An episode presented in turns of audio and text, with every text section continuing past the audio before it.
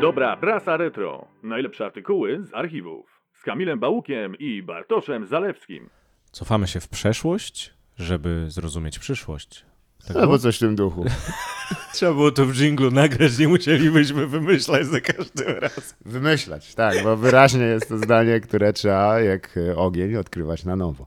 Em, nie, ale ciekawe, że wspominasz o jakiejś takiej repetycji, ponieważ teraz mamy e, okazję wrócić do tematu, który e, został zaznaczony, nie wiem czy w poprzednim odcinku, ale w odcinku dotyczącym magazynu Promyk e, z roku, przypomnisz? 57 to był. No tak, i to był magazyn, magazyn dla młodzieży szkolnej. To oczywiście tradycja, która nie zamarła w Polsce i mam przed sobą magazyn Wiktor z 2011. Wiktor gimnazjalista. Ach, no to, to już jest retro. No jest retro. Właśnie, ci z was, którzy, którzy myślą, że 2011 to nie jest retro, oczywiście to są raczej ludzie w naszym wieku, bo myślę, że jak ktoś ma 20 lat, to, to wie, że to jest retro. Ale potem, jak dobijesz 30, to nagle ci się mm, trochę wydaje, że wszystko było wczoraj. Ale nie, gimnazja nie były wczoraj. Nie, nie, choć zdawałoby się, że to niedawno, a, ale taki koncept takiej prasy jest już dosyć oldschoolowy, bo przyznam, że przeglądając go zauważyłem pewne paralele e, między Promykiem a Promykiem. Wiktorem. Od Promyka do Wiktora. Chociaż Wiktor mi się kojarzy zawsze, to była taka gazeta bardzo grzeczna. Taka, Niewiarygodnie wręcz, bardzo fachowa.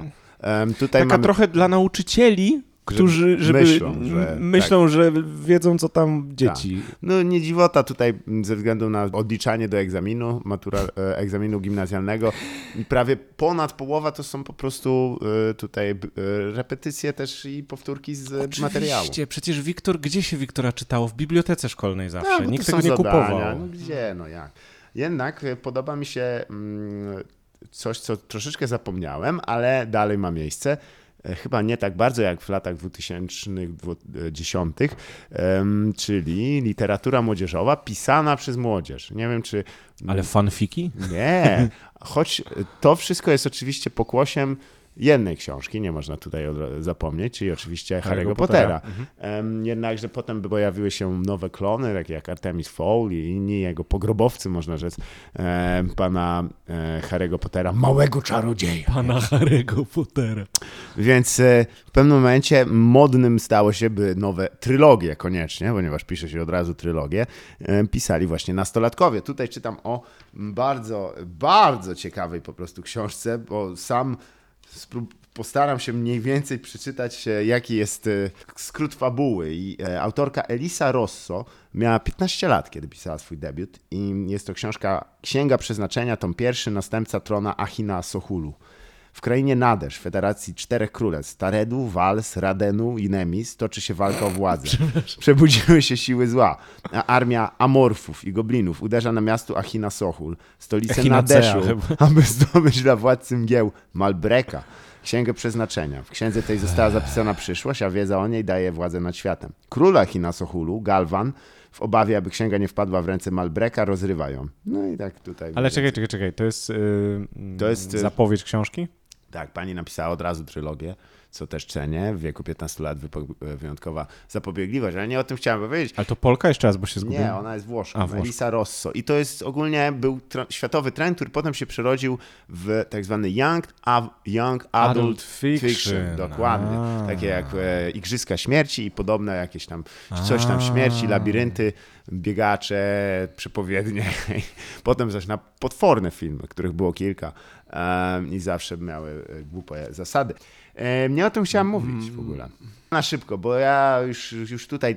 tu, Już cię świeżbi. tak, bo jest też a, e, artykuł Twoja przyszłość. Jeju, znalazłeś coś politycznego w gazetce No dla oczywiście, młodzieży. jednakże też do Ciebie, bo ja wiem, że Ty jesteś prawie studentem stosunków międzynarodowych, dobrze pamiętam? Nie. w A ogóle. europeistyki, Nie, no, no, no a politologii. Na, na jednym piętrze miałem ich. Haha, tak, tak. To ich, ko- czy kojarzysz tych wspaniałych ludzi? Ponieważ tutaj mam, ja Ci tylko przeczytam, jakie są em, redakcji Wiktora prognozy co do ry- rynku O. pracy dla absolwentów e, właśnie stosunków międzynarodowych, europeistyki na sam początek. Super. Gdzie można pracować? W administracji rządowej w kraju, w instytucjach UE, może w ambasadzie, gdzieś w Europie, może w wydawnictwie albo fundacji. Wybór pracy jest spory, bo te studia dają ci po prostu możliwości. Pytanie tylko, jakie wykorzystasz? Posiadacze dyplomu z europeistyki odnajdą się też w firmach konsultingowych czy urzędach i fundacjach zajmujących się pozyskiwaniem funduszy unijnych. No nie. Ale Może się odnaleźli. no. warto marzyć. Politologia. Politolodzy odnajdują się w mediach. Pracują często jako rzecznicy prasowi w urzędach czy w firmach o różnych profilach działania. Wielu Różnych niekiedy szemrany. pod tytułem karuzela watowa i jakimś cudem to paliwo takie tu przyjechało i takie tu wyjedzie. Wielu politologów najbardziej spełnia się będąc najbliżej polityki, czyli pracują w organizacjach politycznych i społecznych, w biurach parlamentarzystów. Absolwenci politologii posiadają z reguły, du- z reguły dużą kulturę osobistą, także intelektualną są bardzo elastycznymi, sekstocznie wykształconymi osobami. Świetne słowo elastyczny. Tak. Ja się obawiam, że jeśli chodzi o politykę, to ono oznacza... Głównie kręgosłup. Tak. Wiktor, moi drodzy, 2011. Zwycięstwo. To Mam były nadzieję. czasy. Mm, to się nie, to się nie wrati. A na koniec coś, co oczywiście też pan redaktor Kamil tutaj zauważył. Cała ściana, tapet i gier na wapa. Jejku, to było piękne. Można było wysłać e- SMS-a i dostać dzwonek. Tak, Z to piosenką Śniadanie do łóżka Andrzeja Piasecznego. albo z, z piosenką...